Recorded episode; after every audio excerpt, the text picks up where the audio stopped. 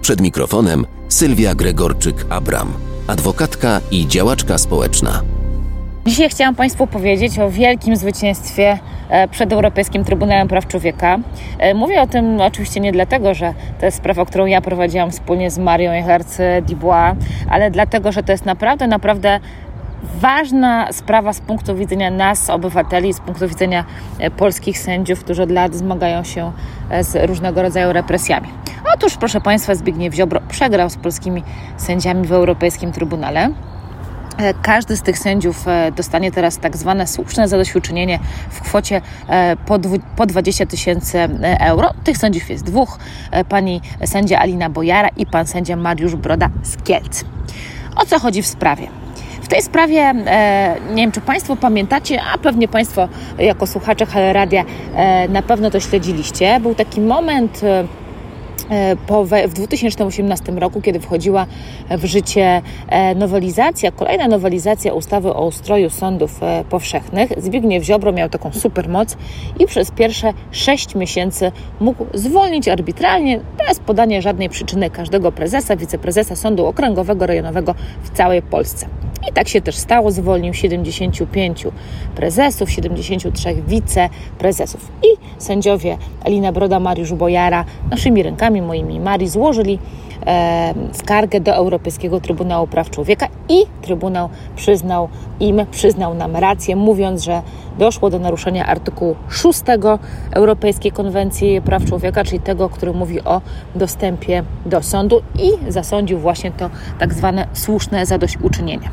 Dlaczego Trybunał tak zrobił? No, no dlatego, że sędziowie absolutnie nie mieli żadnej, nawet najmniejszej ochrony przed arbitralnością władzy wykonawczej. Czyli była to taka klasyczna sytuacja, kiedy przychodzi władza wykonawcza w postaci ministra sprawiedliwości, prokuratora generalnego i mówi ty, ty, ty i ty, już dzisiaj nie pracujecie do e, prezesów sądów, tak? Czyli do władzy e, sądowniczej. Od tej decyzji absolutnie nie można było się odwołać nigdzie, nikt nie mógł jej zweryfikować, żaden sąd nie mógł sprawdzić, czy została ona podjęta w sposób legalny.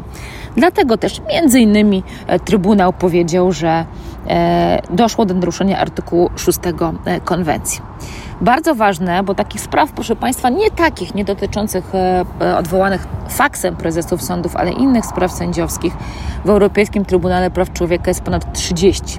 I my bardzo liczymy na to, że już do tej puli dobrych rozstrzygnięć Trybunału Sprawiedliwości Unii Europejskiej dołączą, już dołączają te dobre rozstrzygnięcia Europejskiego e, Trybunału Praw Człowieka.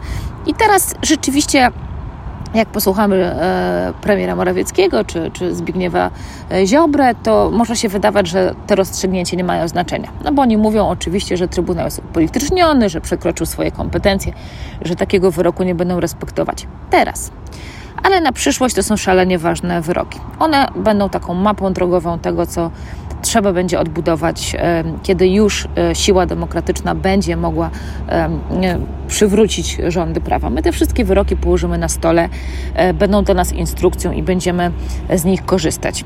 E, rząd polski przegrywa, tak ostatnio liczyliśmy 8 do 0 w Trybunałach Europejskich, a to proszę Państwa jeszcze nie jest nasze ostatnie słowo.